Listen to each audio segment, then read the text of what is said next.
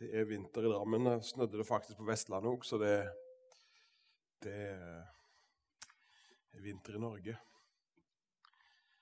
Um, I går så var det en sånn liten, liten oppvarming. Tenkte vi skulle gå inn i litt, uh, litt spennende saker i kveld og i morgen. Men uh, dette med bønn er, er det er jo veldig enkelt. Det er jo så enkelt at uh, barn uh, kan gjøre det, og gjøre det. Uh, men allikevel har den så mange sider og dybder i seg at det er på en måte at denne bønnen ligger i meg hele veien. Herre, lær meg å be. og Leser du vekkelseshistorie, leser du ting, og jeg leser med Bibelen, så kjenner jeg bare igjen Gud, lær meg å be. Uh,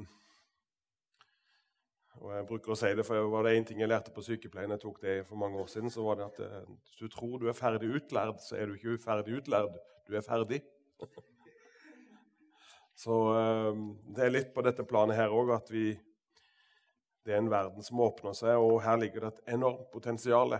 Det er bønnens potensial og det som Gud har lagt ned i bønnen. Og Når du studerer Bibelens gudsmenn allerede fra børjan av og gjennom gamle sementer, og så ser eh, hvordan de levde i, i, bønn, hvordan til og med Abraham forhandla med Gud i bønn. Det er interessant.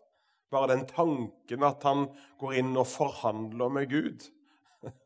Ikke sant? Der han begynner å snakke om at hva om jeg finner 40 eh, eller 50 rettferdige, og så beveger han seg nedover. Og så har han ikke frimodighet lenger enn han kommer til ti, men hva om han hadde sagt fem eller fire eller tre? Han stoppa ikke når Gud sa nei, det får holde med det. Han, han stoppa på et sted. Eh, og bare den, eh, hele den eh, historien er veldig fascinerende. Mange Når du reiser litt rundt, hva skal vi be om? Og jeg tror at det at, har, at dere har en visjon, det gjør jo at en har et mål. En jobber imot noe. En visjon er noe som, som, ligger der, som gjør at vi arbeider sammen. For vi ønsker at dette, dette tror vi er noe som Gud har for menigheten. At dette skal vi være med å se. Vi ønsker å få se dette skje mer og mer. At mennesker skal få møte Jesus, at de skal få finne en plass i, i, i, i fellesskapet, og at de også skal få bli etterfølgere av Jesus. Og Det er noe som vi drømmer om.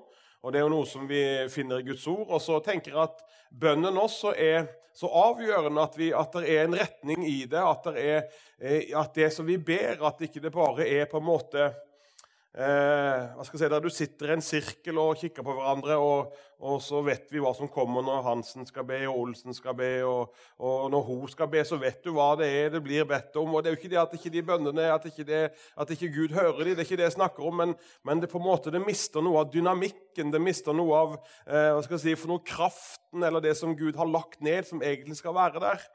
Og jeg tror at Bare ved å lese og studere de bibelske bønnene, de apostoliske bønnene, så kan du hente veldig mye eh, krutt som vi faktisk trenger å be om i dag også.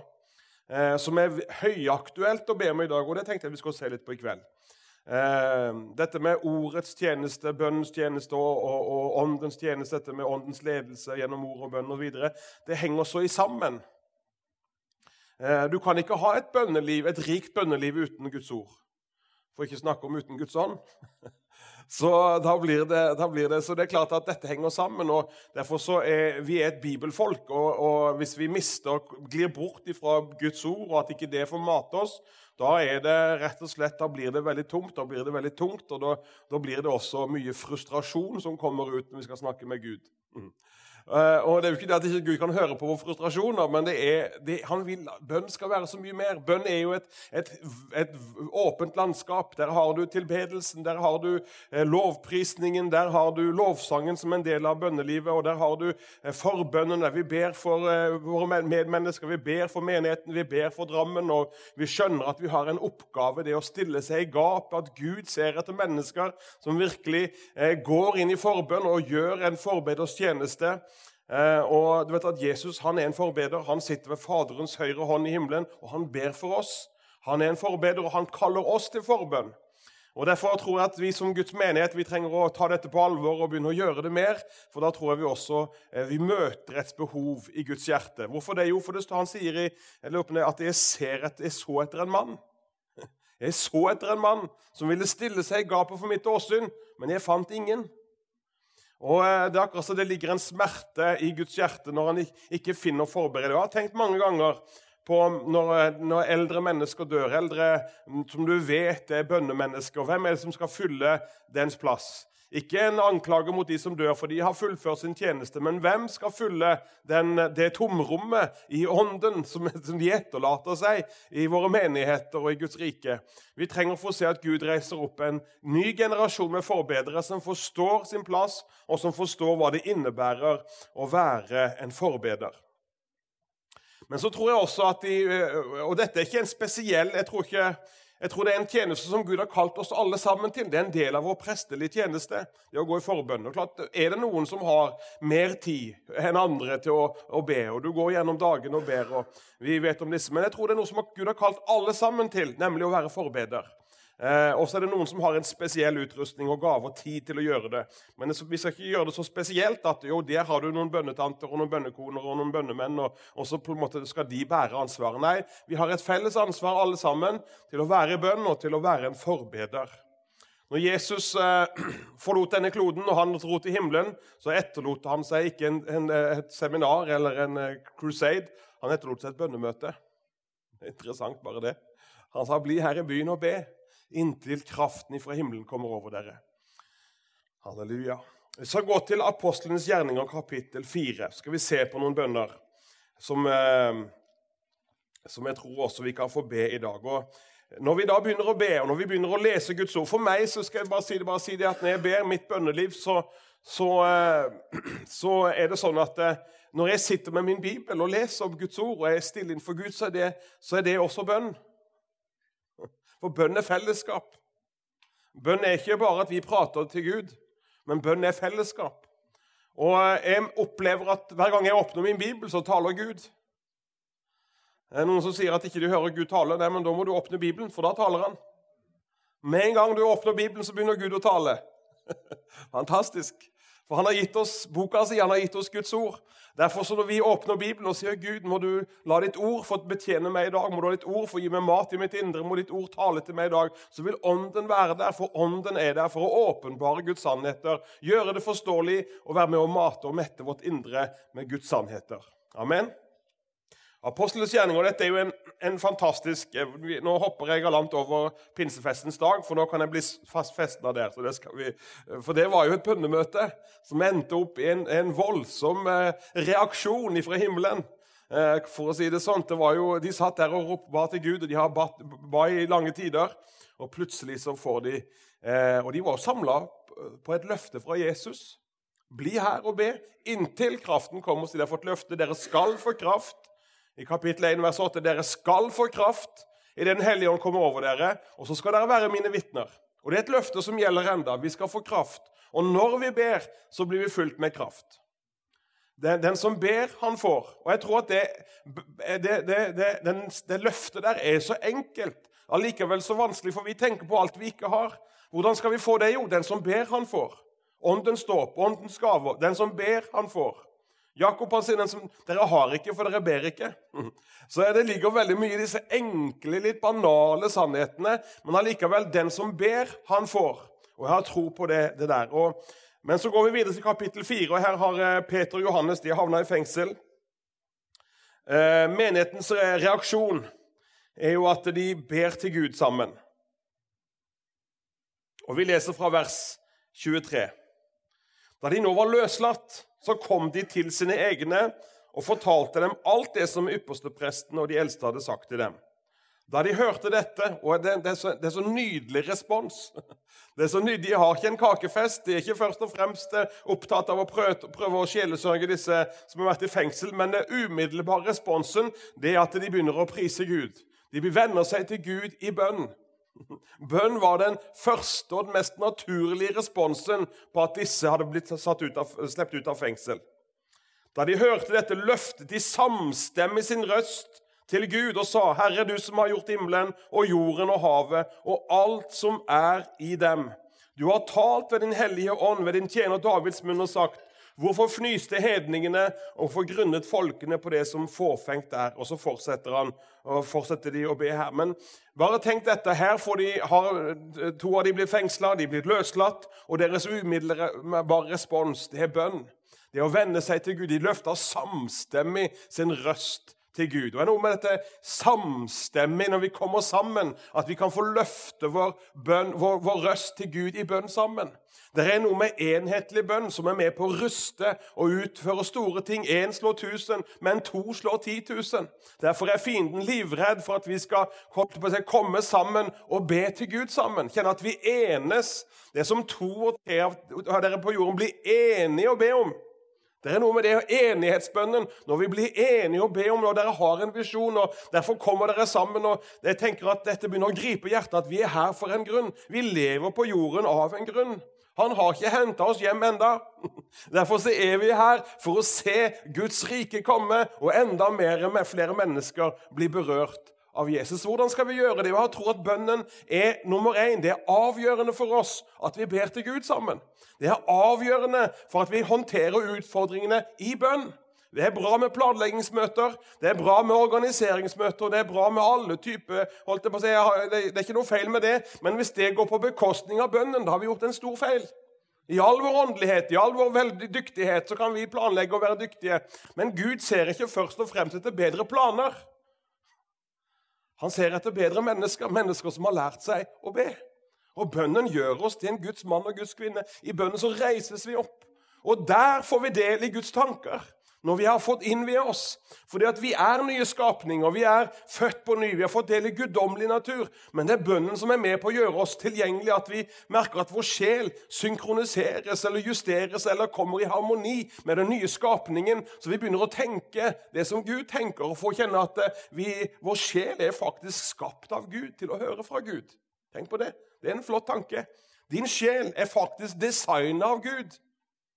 Den er designa på en sånn måte at du kan høre fra Gud, ta imot impulser fra Gud. Og Gud taler på ulike vis, men han taler hovedsakelig gjennom sitt ord. Derfor trenger vi å være et ordets folk, men også når vi da fylles med ordet, og vi bruker tid i ordet, og når vi da begynner å be, så kjenner vi at vårt indre det er åpent, og Den hellige ånd kan få tale til oss og komme med sine eh, veiledninger. Så den første menigheten var en bønnens menighet. Og Vi går videre bare ned til vers 29. og Her ser vi hva de ber om. De ba jo ikke om å bli mer forsiktige. De ba ikke om å bli mer vise. De ba ikke om å få holdt det på si, og det er for, tenker at dette, Denne bønnen her er noe vi kan be for, eh, for menigheten vår, men, men for alle forkynnere i Norge i dag. Og Her står det vers 29. Og nå, Herre, hold øye med deres trusler. Gi dine tjenere å tale ditt ord med all frimodighet. Er det en bønn vi trenger å be for våre predikanter i dag? Ja. Vi trenger å be om at de Guds menn og Guds kvinner og når dere ber for Drammen, be for alle predikantene, be for alle pastorene, be for alle prestene, alle som stiller seg fram på ulike både bedehuser og på, på, på, på andakter på gamlehjem og hvor det måtte være, at de skal få tale Guds ord med frimodighet. For det er så mange ting i dag, det er så sterke krefter som vil hele veien få oss til å tilpasse oss. Som hele veien skal få oss til å tekkes folk. Og Det blir viktig for oss å tekkes folk og si det folk vil høre, enn å tale det Gud har gitt oss. Og Da går vi på en stort kompromiss, og vi blir tannløse, og vi vil ikke kunne nå ut til mennesker. Men jeg tror at denne bønnen her, når de ba på denne tiden, og de var frim, virkelig frimodige, og så ber de bare om enda mer frimodighet. Gi dine tjenere og tale et ord med all frimodighet. Hva nå enn det måtte innebære. All frimodighet. Ikke bare med stor frimodighet, men alt det som måtte finnes av frimodighet. Gi dine tjenere og tale ord med all frimodighet. Og så ber de videre. Idet du rekker ut din hånd, så helbredelse og tegn og under skjer ved din hellige tjener Jesu navn. Dette er en bibelsk bønn, venner. Å be om at mirakler, tegn, under og mirakler skal skje blant oss. Det er syke mennesker iblant oss. Det er mennesker som har hatt vondt i lange tider. Hva er et godt budskap til en syk? Jo, det er at vi tjener en Gud som både vil og kan helbrede. Og jeg tenker at i denne spenningen mellom å, å, å eh, ta vare og vise omsorg for den syke. For vi skal jo ikke trekke på dem og fordømme dem og trykke dem. Det er jo ikke det som er hensikten. Men i øyeblikket at vi har relasjoner der, vi, der mennesker kjenner at vi elsker dem, så er det beste vi kan gjøre, det å be for dem. Og be for mennesker. Og jeg tror vi skal få, kunne be til Gud om å få se enda mer skje iblant oss. Enda mer få skje at Jesus rekker ut sin hånd til tegn, under og mirakler. Idet du rekker ut din hånd, så helbredelse og tegn og under skjer ved din hellige tjener Jesu navn. Så her er det allerede to bønner vi kan be om og som er apostoliske i sin vesen, som er inspirert av Den hellige ånd, som Gud har inspirert eh, den som skrev, til å få det med her, sånn at vi også kan ta tak i det og be i våre sammenhenger. Vi trenger frimodige predikanter i Norge. Vi trenger tegn, under og mirakler. Ikke for bare for tegn, under og miraklenes skyld, men det var altså noe som kjennetegna Jesu tjeneste også. Og Vi leste i går at de kom for å høre ham, og de kom for å bli helbredet. Det står det. De gikk ifra, de gikk ifra bygd og by. De løp ifra alle steder, for de kom for å høre ham, og de kom for å bli helbredet. Fordi det var en kraft med Jesus som helbreda de syke og satte de undertrykte i frihet. Og da de hadde bedt Og da de hadde bedt Ikke da de hadde sunget, ikke da de hadde spist, ikke da de, alt dette er flotte saker, men da de hadde bedt. Da de hadde bedt, da skalv stedet der de var samlet, og de ble alle fylt med Den hellige ånd. Og de talte Guds ord med frimodighet. Halleluja. Så det er Nydelig å lese videre. Også hele flokken den som var kommet til troen, hadde ett hjerte og én sjel. Ikke en eneste sa at noe av det som han eide, var hans eget men de hadde alt felles. Og med stor kraft bar apostlene fram vitnesbyrd om Herren Jesu oppstandelse. Og stor nåde var over dem alle. Det er to ting vi kan få virkelig be om Gud. La dine tjenere tale ordet med all frimodighet. La de få bære frem vitnesbyrdet med kraft. La de få være med å bære frem vitnesbyrdet på en sånn måte at mennesker blir frelst, helbreda og gjenoppretta. At mennesker får oppleve sin frihet. At mennesker får kjenne Jesus, at du er ikke en teori, men du er en levende person som setter fri. Og Så kjenner vi at bønnene våre blir inspirert ut ifra hva vi har lest, ut ifra Guds ord. At det som var vi så på, på, på apostlenes gjerninger på Jesu tid og på den første menighets tid, det kan skje i dag også. Det kan skje i Drammen, og det skjer i Drammen. Men det skal skje mer. Vi ønsker at det skal skje mer. Hvorfor skjer det ikke mer? Nei, Det kan hende at vi må be litt, vi må søke Gud og være konkrete i våre bønnesvar. Bønne, bønne, I våre bønner da vil vi også få konkrete bønnesvar. Det var en som sa det at konkrete bønner gir konkrete bønnesvar. Diffuse bønner gir diffuse bønnesvar. Jeg vet ikke om Det var stemmer, men i fall det ligger noe i dette å kunne gjøre våre bønneemner kjent. Være konkret og holde ut i bønn. Og Nå har vi starta denne måneden hjemme, og, det har vært veldig spesielt å se bare hva som har skjedd disse ukene. Vi har bedt for de frafalne, vi har bedt for de som har forsvunnet fra vår, vår sammenheng de siste årene. Og det er flere som nå har kommet tilbake de siste par ukene. som jeg har fått meldinger fra, Nå fikk jeg meldinger for noen dager fra en dame som var vekke i to år. Hun bor på Aksdal. og Birger, jeg må tilbake til menigheten. Jeg kjente en sånn dragning. Jeg må komme tilbake igjen. Kan du, kan jeg, men jeg må prate med deg først. Og så har jeg, ikke, hatt, har jeg sendt meldinger innimellom og har prøvd å få kontakt, men det har vært null. det har vært fullstendig stilt. Men så plutselig har vi begynt å be. Så, all, så jeg har funnet jeg, må ikke, jeg skal sende meldinger og være hyggelig, ikke det jeg snakker om. Men det er, noe, det er noe som er så effektivt når vi begynner å be, for da begynner Gud å virke på hjertene. Og det er en annen sak at selv om ikke vi ser noe skjer der og da, så virker Gud på hjertene likevel. Men han tvinger ingen. Han presser seg ikke på, men han begynner å virke fram, virke i menneskers hjerter. Og noen vil få bare en sånn akutt lengsel. Jeg må komme tilbake igjen. Og Jeg snakker om noen fire-fem stykker som bare vi har fått konkret bønnesvar på de siste to ukene etter bønnekonferansen. og da begynte vi der. Jeg hadde en annen opplevelse for noen år siden, og den har jeg kanskje fortalt om. jeg tar den igjen, for at når vi begynte å be, så hadde vi et møte, var faktisk et av de første møtene vi hadde på Karmøy etter vi kom fra Finnmark. Da hadde vi et møte som varte i fem-seks timer. Guds ånd var bare så sterkt til stede der, og det var bare en sånn en, en, eh, ja, en velbehag, og, og, Guds ånd virka der. og Etter fem timer så kjente vi en sånn nød at vi skal begynne å be for de eh, frafalne. Og så skulle hver enkelt tenke på et menneske som, de, som var frafallet, eller som de visste om. og Så skulle vi begynne konkret å gå i grupper og begynne å be for disse menneskene. Og Jeg husker enda vi gjorde dette, og vi ba, og vi søkte Gud, og vi løfta fram disse menneskene for Gud. Og, jeg, og vi, det, var, det var Kanskje det var 100 stykk på det møtet, eller rundt der. Og, og vi ba, og det virkelig kokte. Og så fortsetter vi bare lovsangen. Og mens vi står der i lovsangen, så kommer det et menneske, en dame, løpende inn bakfra. Og løp, løp helt fram på første benk og kasta seg ned. Og det som skjedde når hun kasta seg ned, så var det søstera hennes som satt på bakerste benk. Hun løp også fram og kasta seg ned på siden av henne. Og så viste det at begge to der ga seg over til Gud i det møtet. Og da hadde denne, Disse to var jo brennende før, og så hadde de falt ifra. og ulike årsaker til dette. Men så står hun søstera bak i møtet og sier at hvis du, Gud, kan dra søst, ta søstera mi hit Hun levde i samboerforhold med en annen mann som ikke var frelst, og de hadde glidd bort ifra Gud.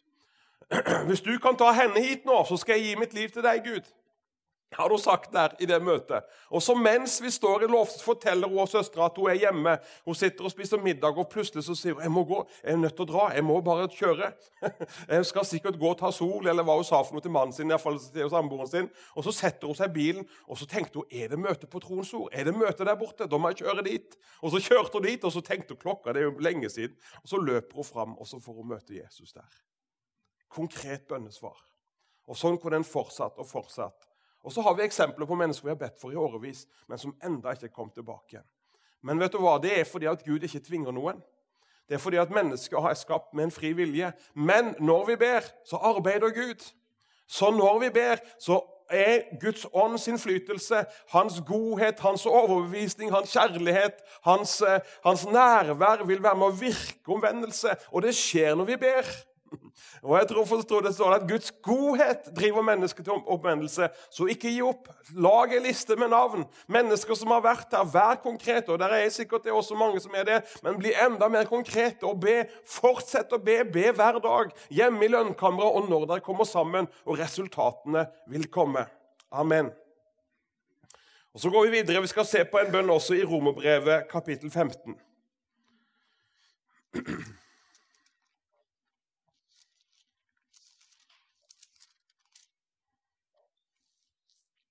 Romerbrevet kapittel 15.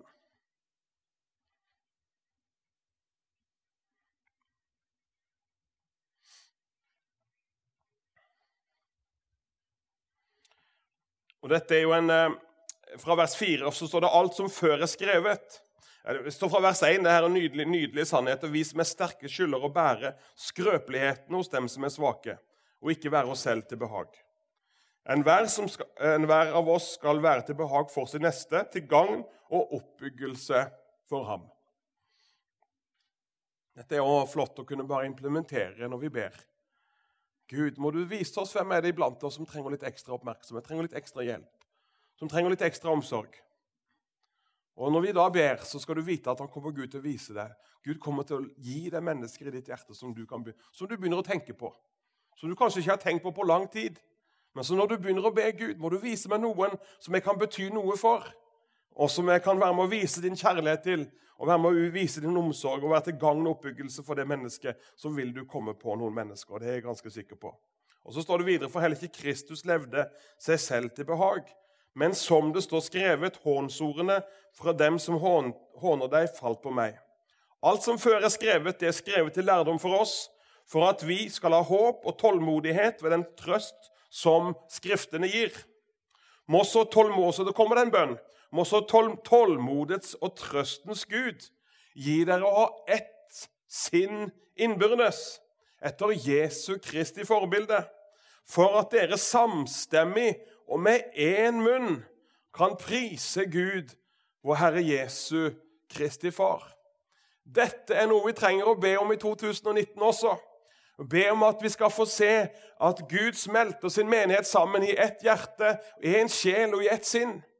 Vi er mennesker med veldig forskjellig bakgrunn. og jeg ser at pga. grunn av at vi lever i Vesten, vi lever i en verden som er så annerledes enn f.eks.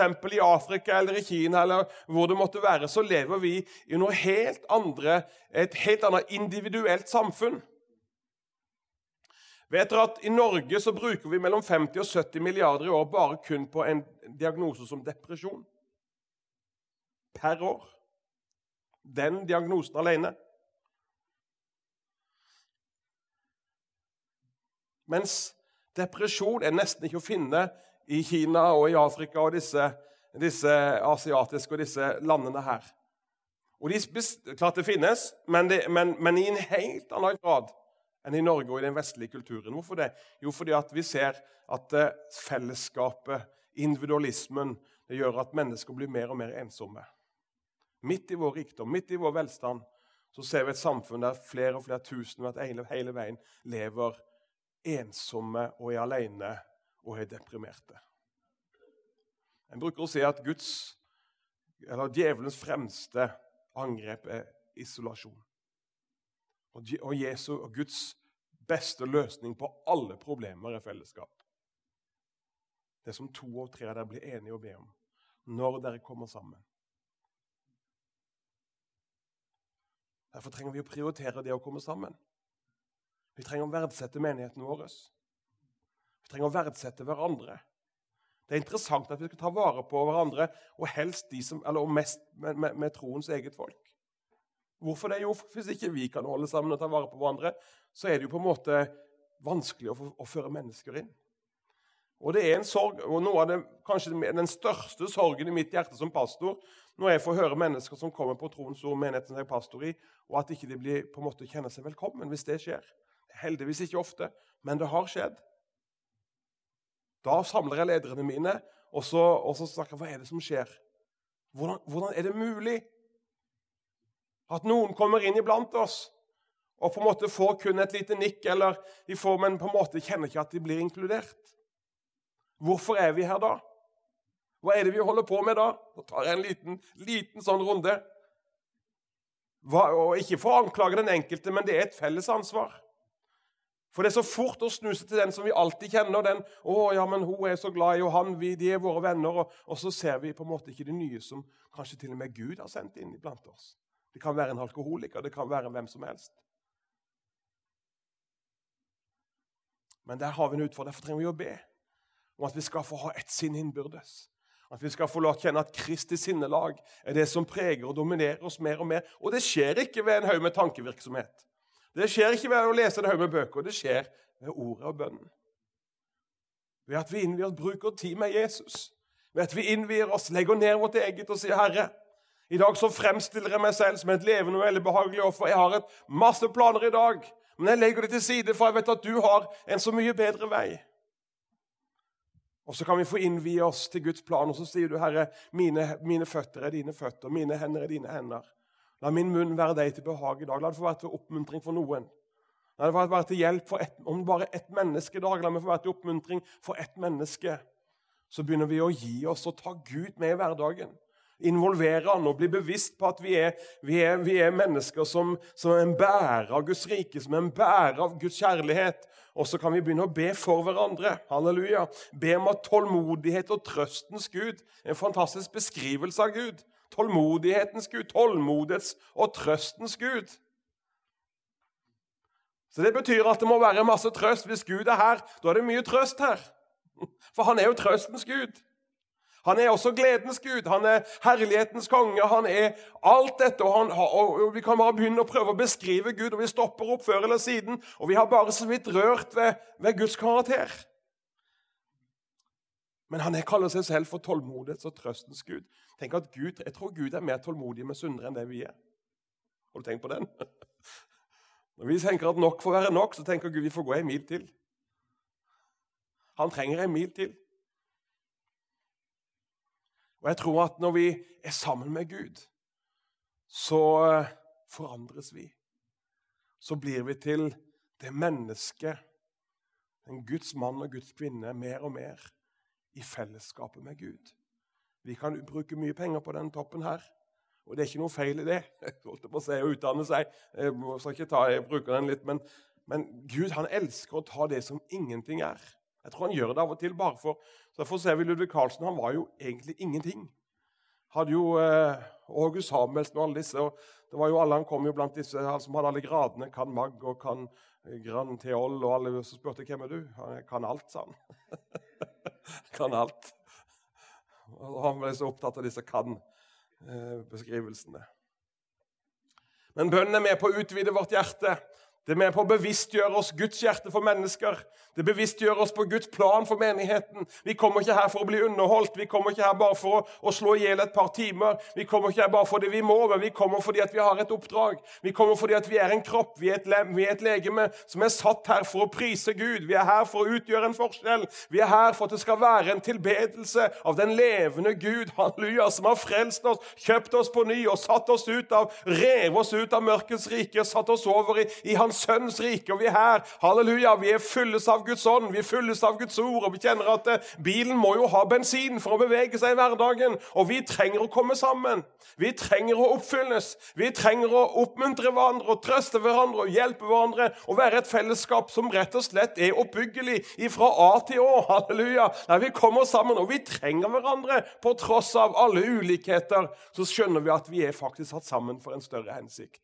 Halleluja. Og den hensikten den blir så mye mer tydelig når vi begynner å be sammen. Når vi begynner å være med å lokke fram gavene. At ikke det blir bare blir Olsen som leder i bønn. Kan du Olsen lede i bønn? En nyfrelst begynner å lure på om det er en konkurranse som pågår. Men samdrektig løfta de sin røst. Samdrektig, med én røst, så løfter de sin røst. Tenk når du kommer inn og du kjenner at det er et bønnebrus som bare reiser seg. og Dere har vært i Kina, du vet hvordan det høres ut. Det er bare noe som bang, så er det i gang. Det er en lovprisning til Herren. Det er liksom, Du må ikke dra det i gang. Det er ikke sånn at du må liksom pumpe og presse. Nei, det bare smeller til med en gang. Jeg tror at dette er noe som Gud ønsker å kalle og lokke oss ut i når vi begynner å be og søke Guds åsyn. Halleluja kapittel 15 og vers 13 så står det en, en nydelig bønn også. Må så håpets Gud fylle dere med all glede og fred i troen, så dere kan være rike på håp ved Den hellige ånds kraft. La det verset være et, en, sånn, en, en, sånn dynamittkubbe når du ber. Nå ber vi for menigheten i dag. Jeg ber for den og den. Kanskje den har det litt tungt og vanskelig, men vi ber om at du skal fylle dem med all glede og fred i troen. At, skal, at de skal få være rike på håp ved Den hellige ånds kraft. Halleluja. Vi ber om at du skal fylle hver enkelt, hvert enkelt medlem av hver enkelt menneske som tilhører familiekirka, Elvebyen familiekirke, at vi skal få kjenne at du, Gud, du rører ved barn, og du rører ved ungdom, og du rører ved de eldre, og du fyller deres tro med glede og fred. Du fyller deres indre med kraft. De skal være rike på håp. Bare det verset der gir grunn, god grunnlag for å be i lange tider. Og da ber vi i henhold til Guds ord. Vi ber i henhold til Guds vilje. Vi ber ikke bare ut ifra egne gode tanker og ønsketenkning, men vi har Guds ord som et fundament i vår bønn. Halleluja. En apostolisk bønn som Paulus ba for romerne. At de skulle ha ett sinn innbyrdes. At de skulle få lov til å, og at tålmodighetens og trøstens Gud skulle gi oss å ha ett sinn innbyrdes. Altså Det er en gave som Gud kommer og forløser iblant oss. At også han, vet du, at Gud er jo han som fyller oss. Hvis det er noen som kan fylle oss, er det jo Herren. Det er jo ikke en besøkende predikant. Det er jo ikke, er jo ikke på en måte, Men, men det, når vi kommer sammen i bønn, så vil Gud fylle oss. Han fyller oss med ånd. Han fyller oss med kraft. Han fyller oss med tålmodighet. Han fyller oss med alt det som godt er. Det er en Gud som fyller alt i alle. Det høres jo fantastisk ut, men hva innebærer det? Min, mine sikringer ryker. En sånn setning. Det, høres jo helt fabelaktig ut. Men hva konkret? Hvordan kjennes det? Hvordan oppleves det? Hvordan erfares det? Ja. Dette må jo være mer enn bare fine ord. Dette må jo være realiteter ifra himmelen. Og det er skatter som Gud har gitt oss rett, ifra, rett i fanget på oss men som vi må søke etter og la Den hellige ånd få åpenbare for oss. Halleluja.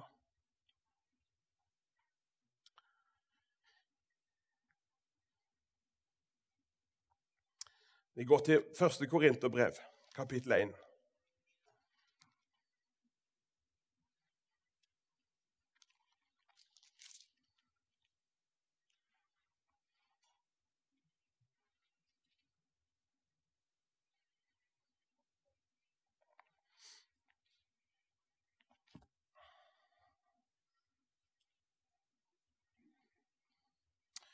Og Vi kan lese fra vers 3. Lovet være Gud. Så vi se. Første Korinterbrev var det.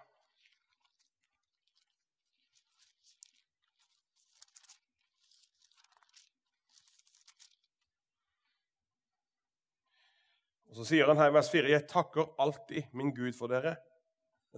Det syns jeg også er en nydelig setning. Jeg takker alltid min Gud for dere. Om ikke du vet hva du skal be, så kan du begynne å takke. Og det er veldig fint å begynne å takke. Vi har snakka om Jeg Solås. Berner Solås han sier at takken det hjelper deg langt opp i bakken. Takknemlige mennesker er nydelig å være sammen med. Enig i det? Folk som er takknemlige.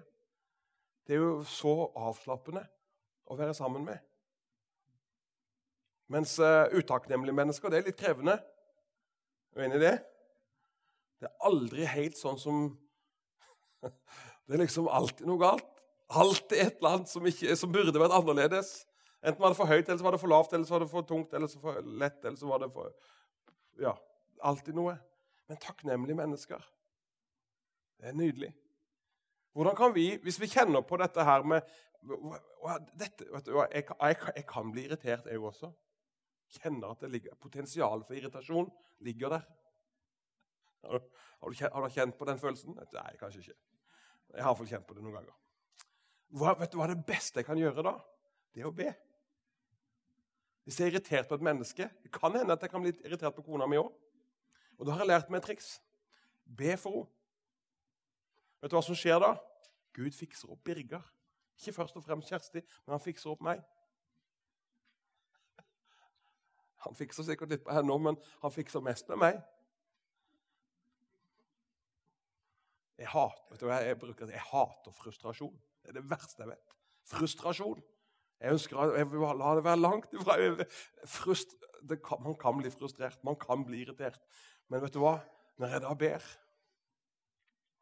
så kjenner jeg at jeg får hjertet fylles med håp. Og det som jeg ofte gjør Da da tar jeg disse skriftstedene her og noen andre, og så begynner jeg å lese. Og så begynner jeg å proklamere det ut. Og jeg begynner ofte, Hvis jeg kjenner at det er skikkelig nede, så begynner jeg ofte bare å ta den her. vet du hva? Jeg er født av Gud. Jeg er en ny skapning. Jeg er en ny skapning i Kristus Jesus. Jeg takker deg, far, for at jeg er underbart skapt i dine, i dine øyne. Takk at jeg, jeg, er din Gud, pappa, og du er, du er, min pappa, og du har født meg på nå, du har gitt meg din hellige ånd. Halleluja. Og eh, Akkurat nå så kjenner jeg, far, at du skal bare fylle meg med din ånd og med din kraft. Jeg sitter ikke der mer da. Da reiser jeg meg opp. For at munnen er så tung akkurat når jeg sitter når jeg er irritert og frustrert. eller hva det måtte være. Da må jeg reise meg opp og så må jeg bestemme meg. Min sjel og min kropp, mitt kjød, skal prise Herren. Og Det å begynne der det er med på å åpne døren. At Gud kan få komme til over og trykker og holdt på å si, så slipper disse negative kreftene fra mitt kjøtt til å dominere. Nydelig. Det var et lite tips. Jeg takker alt min Gud for, alltid min Gud for dere, for den Guds nåde som er gitt dere i Kristus Jesus.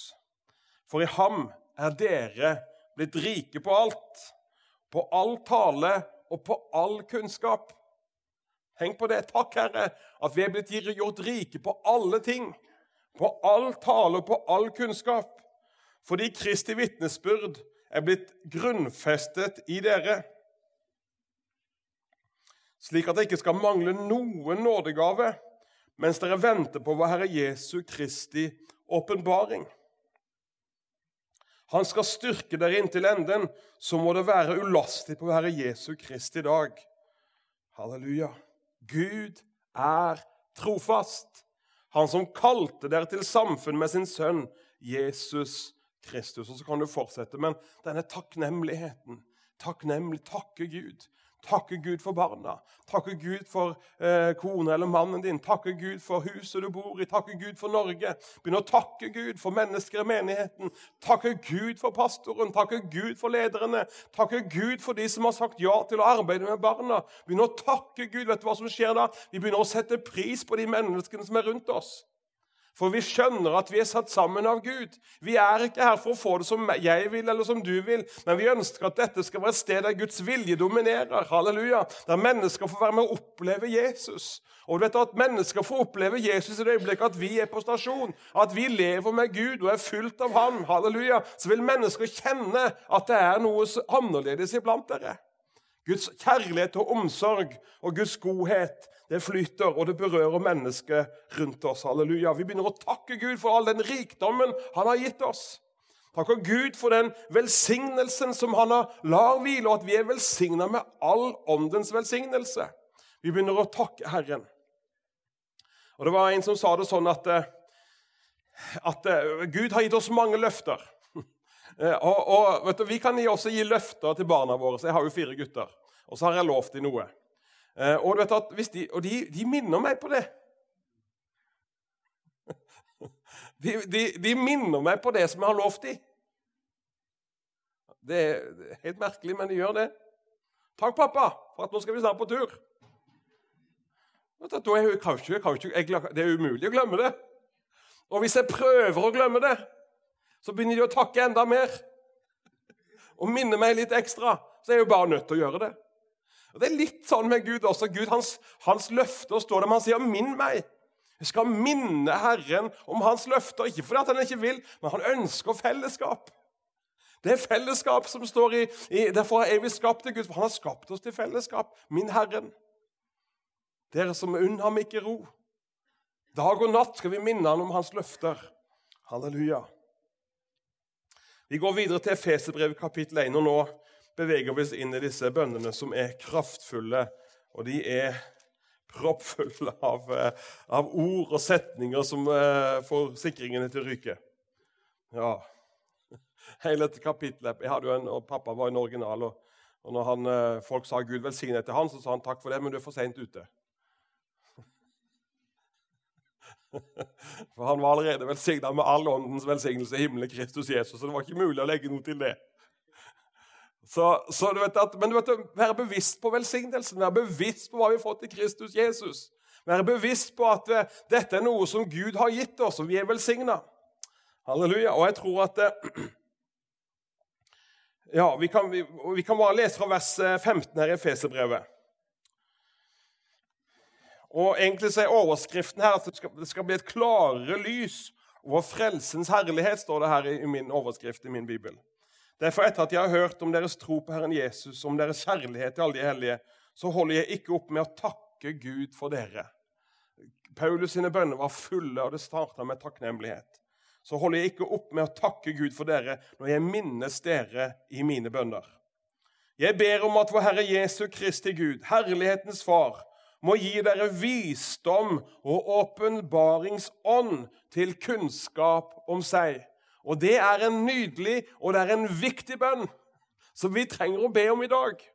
I 2019 trenger vi å be om at Gud skal gi oss eh, visdom og åpenbaringsånd til kunnskap om Gud. Hvorfor trenger vi det? Jo, fordi at det fins sider, det er alltid dybder ved Gud, og vi trenger stadig å leve i en åpenbaring av hvem Gud er. At ikke vi kan bare leve på at pappa synes jo, han fikk jo erfare at Gud var god, og bestefar han levde jo med Gud, så det rent teoretisk så må det nok stemme. Men vi kan ikke leve på andres erfaringer, vi kan ikke leve på kunnskapen. Vi trenger å leve ut ifra en personlig møte, et personlig erfaring av hvem Gud er. Amen. For da vil det være noe som holder i stormen, når det raser. Og, og visdom og åpenbaring sånn. åpenbaring sånn, og tenker jeg at Når vi da går inn og leser Guds ord, Når nå er vi inne på temaet for denne uka her også, åpenbaringsånd Og det er jo dette, denne, denne åpenbaring er jo en avduking. Det det er som at det er noe voldsomt, en flott statue som skal Vi skjønner at det er en mester som har lagd noe, men det ligger et teppe over. Vi forstår at det er flott, men, eh, men, det er ikke før avdukningen skjer, at, at, vi kjenner begeistringen. At vi skjønner at det er et mesterverk, at det er noe nydelig, at det er noe vakkert. Og Sånn er det også med Guds ord. Vi, vi, kan lese dette og vi kan tilnærme oss det med vårt hode, vårt intellekt, men det er ikke godt nok. Det vil være tilskjult, tilslørt. Det vil være dekket over det. Men når vi da lar Den hellige ånd få åpenbare det for oss og skjønner at Gud har velsigna meg med all åndens velsignelse, da blir det ikke bare en teoretisk sannhet, det blir noe som det gjelder meg. Halleluja. Takk at Gud har velsigna meg. Han ikke skal velsigne meg, han har velsigna meg med all åndens velsignelse. Det betyr at jeg må være rik. At jeg er velsigna, at Gud faktisk har brutt enhver forbannelse. og La meg få del i velsignelsen. Og så skjønner du du begynner å, å, be og begynner å takke Herren, så blir du bare rikere og rikere. For at åpenbaringsånden begynner å forstå at det tilhører deg. Halleluja. Det gjør noe med oss. Det gjør, det forandrer oss. Det berører oss. Det løfter oss opp. Det fyller hjertet med tro. Det fyller hjertet med forventning. Det fyller hjertet med at 'dette Gud, jeg har fått smak på noe nå, og jeg ønsker å få oppleve enda mer av det'. Og Jeg har verdsatt en del mennesker i livet mitt som er eldre enn meg sjøl. Og får vært å vandre mennesker som fremdeles er sultne på mer av Gud. Og Jeg syns at det er noe med det som er så verdifullt. Og Det er en sorg i hjertet når du ser i, de, for så vidt, i den moderne Kristen-Norge så blir de gamle forkynnerne skjøvet til side. Det er unge predikanter i trange dongeribukser og i skinnjakker, og det er helt ok, det. Men vi trenger disse som har gått foran. Vi trenger de som har vært der, og som ikke nødvendigvis har gått på kommunikasjonskurs, men som prater et språk som allikevel åpenbarer og, og på en måte gjør disse skattene tilgjengelig. At det er en åndelig rikdom ifra himmelen. Og Jeg savner det mye i dagens forkynnelse. Det er mye som berører. Men det er mye life coaching. Jeg er sykepleier, jeg har vært på mye kurser. Jeg går på videreutdannelse, og det er mye hvordan du skal ha det godt og leve et godt liv og ha omsorg for mennesker og menneskers forferdelige sitt. Og det, alt dette er godt, og det fins mye bibelske prinsipper i det. Men det er noen sannheter, det fins noen brønner, det fins noe av disse frelsens kilder som vi trenger å graves opp for den kommende generasjonen. Der vi kan få se at miljøer dannes og miljøer reises opp, der pionerene fødes fram, der forbedrerne reises opp. Kjører jeg på her, men dette, dette, brenner, dette kjenner jeg på. Dette er viktig for meg, for jeg kjenner at dette er noe som, eh, dette er noe som ligger på Guds hjerte i dag. Vi skal kunne nå ut og kommunisere med alle folk, men ikke for enhver pris. Ikke på bekostning av de verdiene, av de menneskene som har gått foran. Når jeg leser Hebrebrevet kapittel 11, så skjønner jeg at eh, vi skal jakte på de som har gått foran. Vi skal lære noe av de som har gått foran. Og Jeg vil heller sitte jeg skrev det på en sånn måte, jeg vil heller sitte i 14 dager og høre på en som virkelig har erfart Gud i sitt lønnkammer. En som har de flotteste utdannelser. Jeg kjenner det, og Titler og, alt dette det er helt ok, men det imponerer meg aldri. Aldri, jeg kjenner aldri en tiltrekning til å gå og høre på en fordi han er professor. Jeg har hørt på de flotteste professorene, og det er mye bra, det er ikke det. Men det er mye tankespinn. Det er mye hjerne. Og Det er mye dykt, menneskelig dyktighet. og Det er ikke det at, ikke det, at det går på tross av, av, det guddommelige, men det er allikevel noe hvis det er liksom tittelen og professor og alle de som skal dra mennesker Jeg blir litt sånn matt i fletta da, altså. Det er helt OK at Gud er i ulike eh, Fantastisk. Men å få lytte til en mann som har levd med Gud Jeg var i Ålesund, Vi var oppe på et team til Ålesund nå i, i vår. Og Der møtte jeg en mann på over 80 år som vært leder i Misjonskirka i Ålesund. Og Frank Mangs var der, og det har hatt vekkelse der. Og når han begynte å be, da havna jeg på kne. For der var noen kilder når han åpna sin munn, som er dyrebare. Som var sjeldne å høre. Som er erfart og prøvd, og som har vært henta inn Guds, i Guds nærvær. Vi, vi, trenger alt dette. Misforstå meg rett. Jeg, jeg, jeg, er egentlig ikke så motstander. Jeg syns egentlig er mye, veldig mye bra. Men, kjenner, men, men, i vår iver til å nå verden så kan vi gå, gå over en del ting som vi trenger. Vi trenger disse som har gått foran. Det var en, det en, en mastring som sa det at eh, det var, altså, det var, var altfor mye kananspråk i menigheten. Og så sier han ja, det er ikke så rart, det, for de har jo ikke vært i Kanan. Må komme inn i Kanan, da forstår du det. så det er noe med dette språket vårt. Og du vet at I møte med Gud så blir ordene veldig fattige. I dette gudsnærværet så Når vi begynner å berøre nerven, når vi begynner å nærme kjenne at vi står inne på hellig grunn, da er ordene våre så lite betydningsfulle på en måte. For du oppslukes av Gud sjøl. Du oppslukes av hans nærvær, hans skjønnhet, hans storhet. og Ordene våre blir fattige. Jeg kan prøve å beskrive det, men det er ikke det er umulig.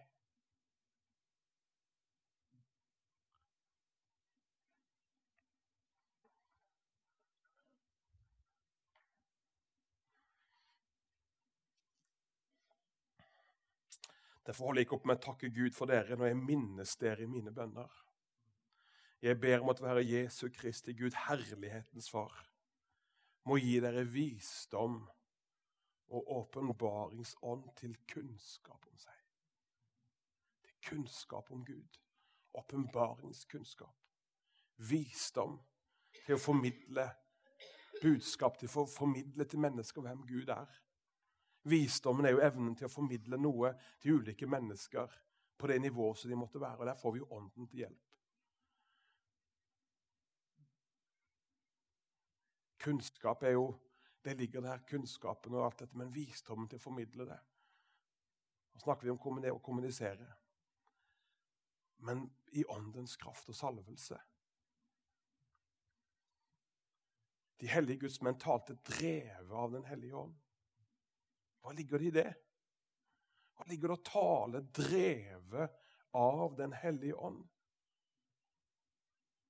De kunne ikke stå seg imot den visdom og åpenbaring det, det, som Paulus, når kom, han kom i ordskiftet med jødene, De kunne ikke stå seg imot den visdom og autoritet han talte med. Det var noe med Paulus. Det var noe med hans tale, det var noe med, han, med hans eh, måte å formidle på som bare gjorde at det, det berørte ikke først og fremst hodet, men det gikk rett i hjertet. Og argumentene forsvant.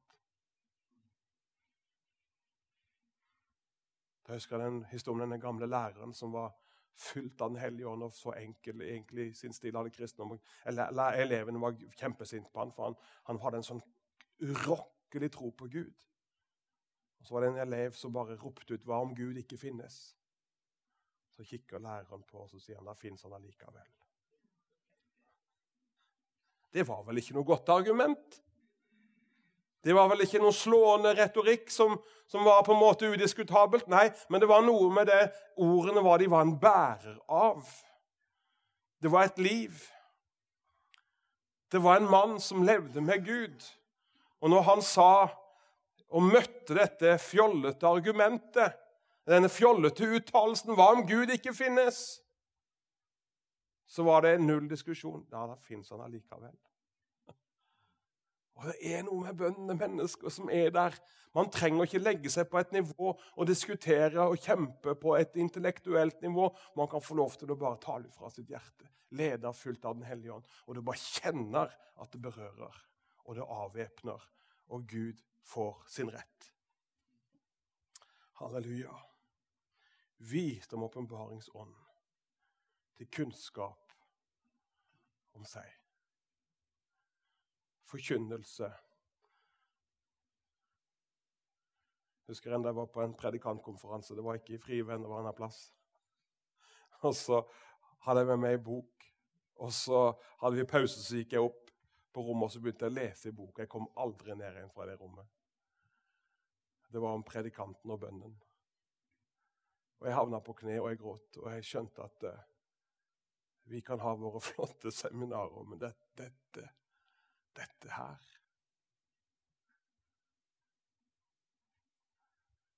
Dette går i rette hjerterota.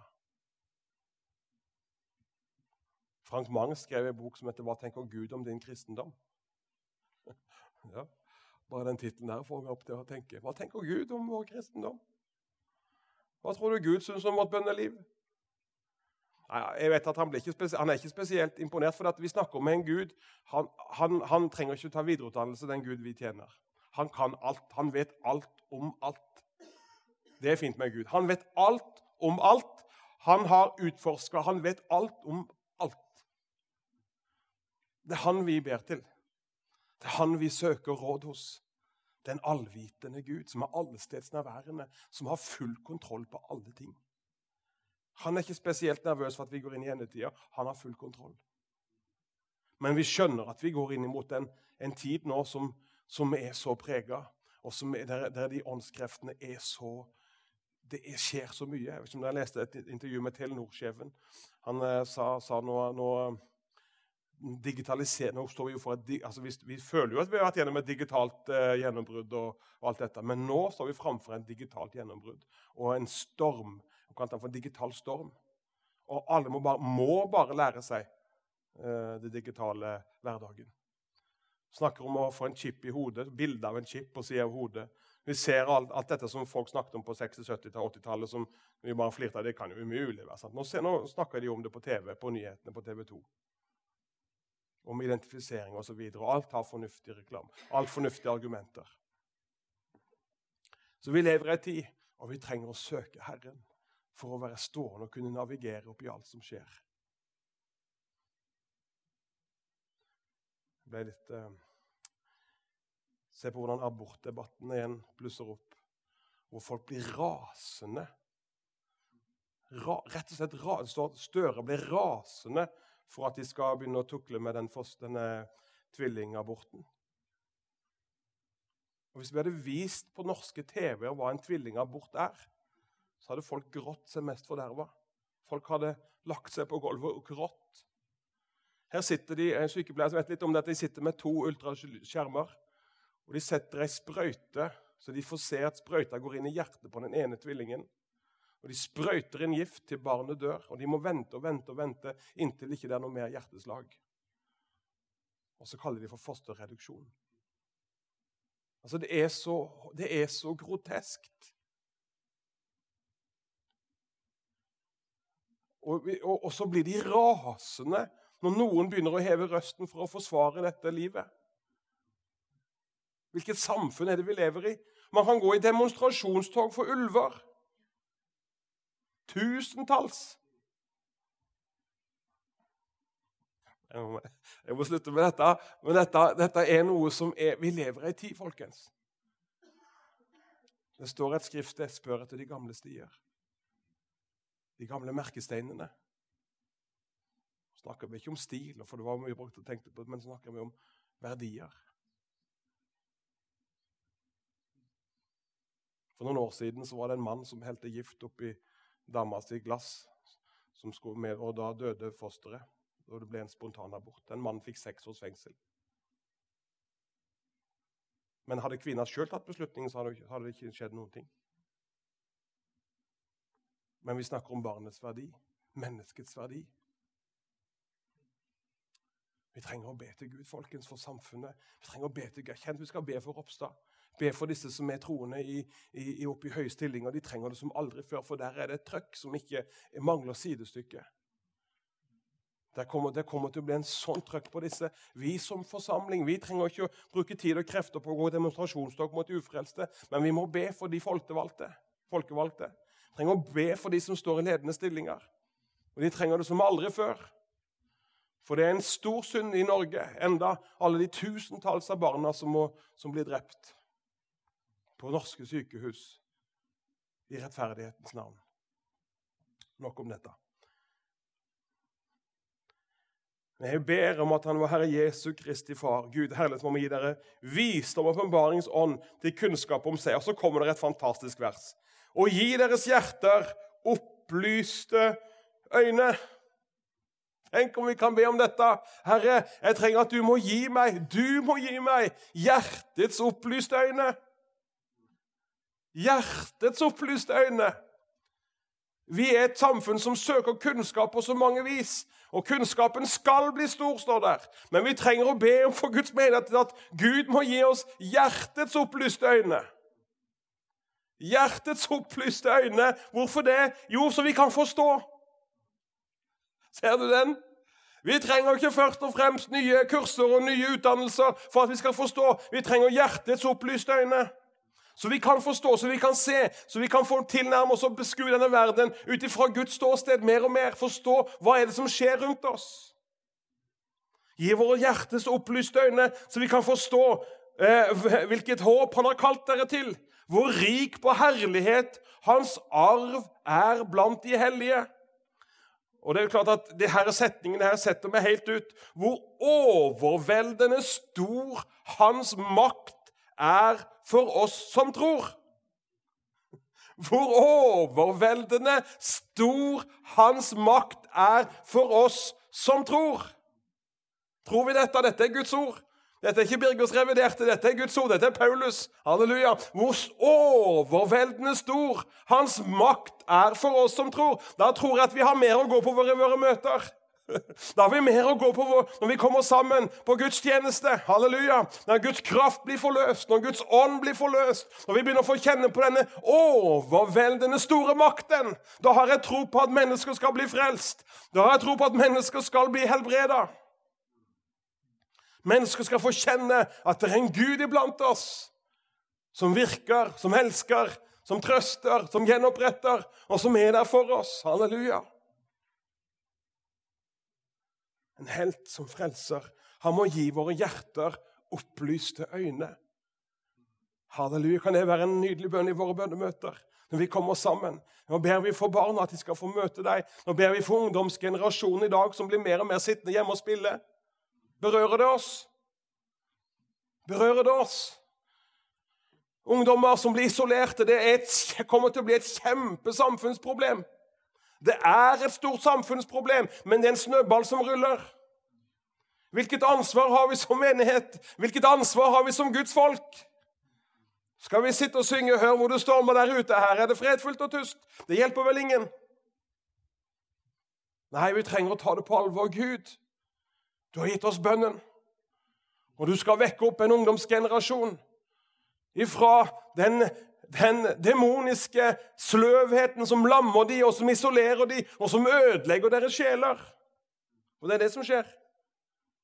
Ødelegger deres sjeler. Mennesker blir fulle av angst allerede i 13-14-15-årsalderen. Begynner å få tabletter og begynner å bruke piller. Jeg jobber med rusmisbrukere. Jeg har sittet på videre og hørt på professorer som beskriver et problem som ikke vi har, har peiling på å forstå rekkevidden av i Norge.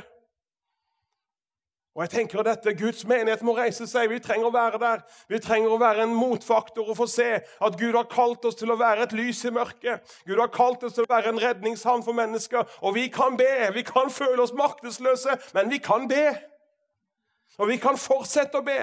Vi kan være utholdende i bønnen, og vi kan være med å rive mennesker ut gjennom bønnens kraft. Plutselig så blir bønnemøtene viktig for oss.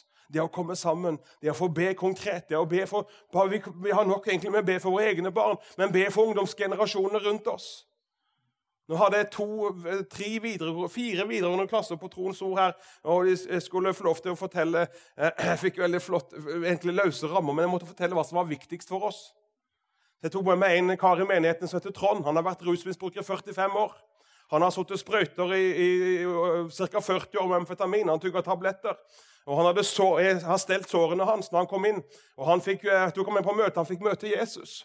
Og han fikk møte Jesus så kraftig etter å ha rusa seg i 45 år at han, han, etter han ble frelst, og rørt, han ikke rørt én tablett. Han var ikke på noe nedtrapping, og det er et ingen trodde på han. Legen på institusjonen det, det, det er livsfarlig. Han hadde ikke én dag med abstinenser. Nå er det fem år siden, og jeg fikk vie han før jul. Nå har han vært gift i et år. Han har fått seg bil, han har fått seg hus. Det er en fantastisk kone som aldri har vært borti rus, og de tjener Gud sammen. Og Så står han der og så sier han det til ungdommen at, at ikke lek med narkotika, jeg lek med rus. Jeg jo begynte med det, og det har ødelagt livet mitt, tatt fra meg alt jeg hadde. Barna, familien, alt. Han satt egentlig bare igjen med en pose og en sprøyte. Og så kommer han, og så får han høre en enkel sang. Hvitere enn sne. Og så taler Gud til Trond på det møtet. 'Trond, du skal bli hvitere enn sne.' Og Så tusler han fram. Så bøyer han kne, og så får han møte Jesus der. Så drar han tilbake en bilde. Jeg skal ikke ha en eneste tablett i munnen min mer. Og det var jo ingen som trodde på. Men jeg må bare få forklare disse andre at la gi han en sjanse. Får, om ikke du tror på det sjøl, så tro på hans tro. Og han rørte aldri en tablett. Fantastisk. Og da sitter lærerne, da sitter ungdommene, og da fortalte hun læreren som, som uh, var med de som går i menigheten hos oss, hun ene læreren, de har prata om Trond i dagevis. Birger kunne preke bra, men du vet at det hjelper ikke det vet du, når vitnesbyrd er der. De seiret over ham i kraft av lammets blod, og det er ord de vitnet. Vi trenger at Gud reiser ut opp ungdommer i alle generasjoner som ber til Gud, som blir eksempler. Jeg skal stoppe der. Det er mye mer vi kan fortsette vi har vel flere dager på oss. Men eh, vi trenger å be. Og vi har plenty med bønnefjul i Bibelen. Jeg skal fortsette litt i morgen, så skal vi se hvordan det fyker av. For jeg har egentlig et annet budskap, enn det kan være det blir på søndag.